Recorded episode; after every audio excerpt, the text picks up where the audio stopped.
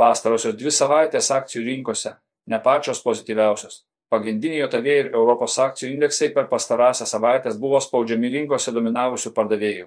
Pagrindinės priežastys - neramumai artimųjų rytų regione nuvylė didžiausių JOTV įmonių trečio ketvirčio rezultatai bei toliau kylantis ilgo laikotarpio JOTV išdo vertybinių popierių pajamingumas. FED palūkanų poveikis NT rinkai.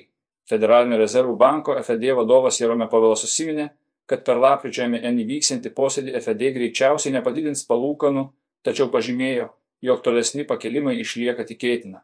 Jis taip pat pastebėjo, kad didėjantis obligacijų pajamingumai apsunkina skolinimosi galimybės įmonėms, tačiau toliau spartų augimą išlaikant JOTV ekonomiką indikuoja, kad dabartinė pinigų politika kol kas nėra per daug apribojanti. Šį trečiadienį, lapkričio pirmą dieną, FEDV renkasi į posėdį, kuriame bus sprendžiama dėl tolesnės pinigų politikos krypties.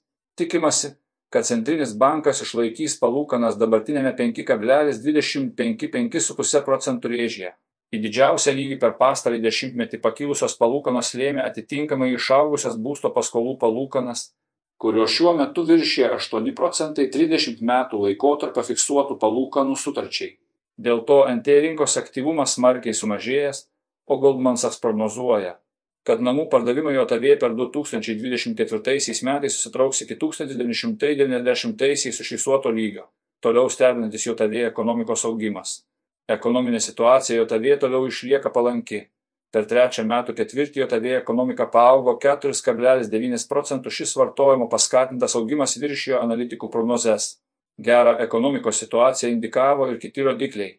Pavyzdžiui, pirkimų vadybininkų indeksas pasiekė 51 punktą bei taip pat viršijo analitikų prognozes, o metinė infliacija JOTV sumažėjo ir rugsėjai sudarė 3,7 procentus ir buvo dar pastebimai didesnė už 2 procentus tikslą.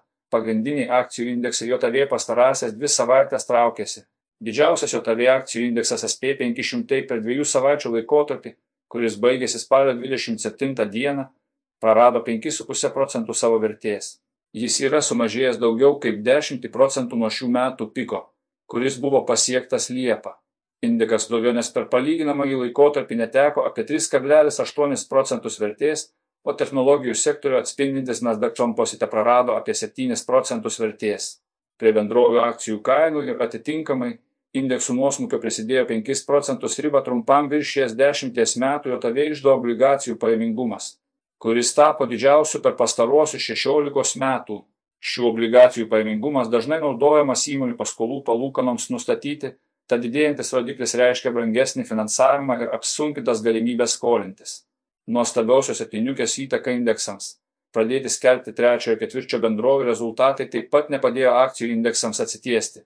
Investuotojai labiausiai laukia didžiųjų TV technologijų įmonių, tokių kaip Amazon, Alphabet, Meta Microsoft finansinių rezultatų, kurie dažniausiai pakeldavo rinkos sentimentą.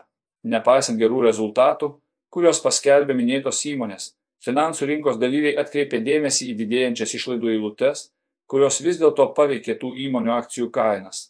Vienintelės įmonės Amazon ir Netflix rezultatai pozityviai nustebino rinką, o jų akcijų kaina padidėjo atitinkamai 7 ir 11 procentų. Beje, šių metų pasaulinio MSCI indekso kilimą labiausiai nulėmė vadinamoji nuostabioji septyniukė. Tai technologijų srities bendrovės Alphabet, Amazon, Apple, Microsoft, Meta, Nvidia ir Tesla. Pagrindinė priežastis augimui buvo geri jų rezultatai ir su dirbtiniu intelektu vienai par kitaip susijusios galimybės. Jei šių įmonių akcijos nebūtų įskaičiuotos į SP 500 indeksą, tai vietoje 8 procentai prieaugio nuo metų pradžios greičiausiai stebėtume indekso kritimą sparčiai išsikvepianti infliacija eurozonoje. Priešingai nei JOTV, ties Europa susitelkia tamsesni debesys. Europos centrinis bankas ECB per praėjusią savaitę vykusi posėdį nepakeitė bazinių palūkanų, kurios išliko 4 procentai lygyje. Toks žingsnis užbaigė 10 palūkanų padidinimo išėlė ciklą. ECB pastebi, kad pramonės sektorėje vyravę silpnumas persiduoda ir į kitus sektorius, įskaitant ir paslaugų. ECB vadovės Kristina Lagardė teigimu, kad eurozonos ekonomika išliks silpna iki metų pabaigos, tačiau mažėjant kainoms ir didėjant realiosioms namų ūkių pajamoms, tikėtinas ekonomikos atsigavimas ateinančiais metais.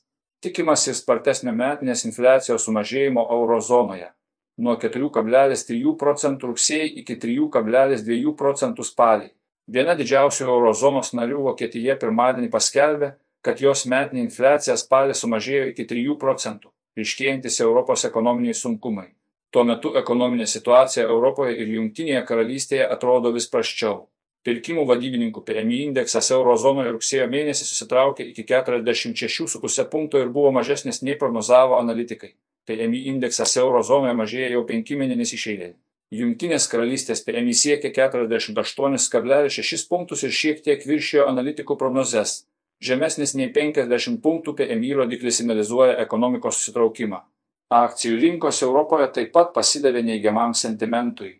Per pastarąsias porą savaičių pagrindinis Europos indeksas toks 600 smuko daugiau nei 4,5 procentų, Vokietijos DX indeksas sumažėjo 3,4 procentai, Junktinės karalystės FTSE 100 nukrito 4,2 procentai, o vietinis OMX Baltis benchmark pasikoregavo 1 procentas.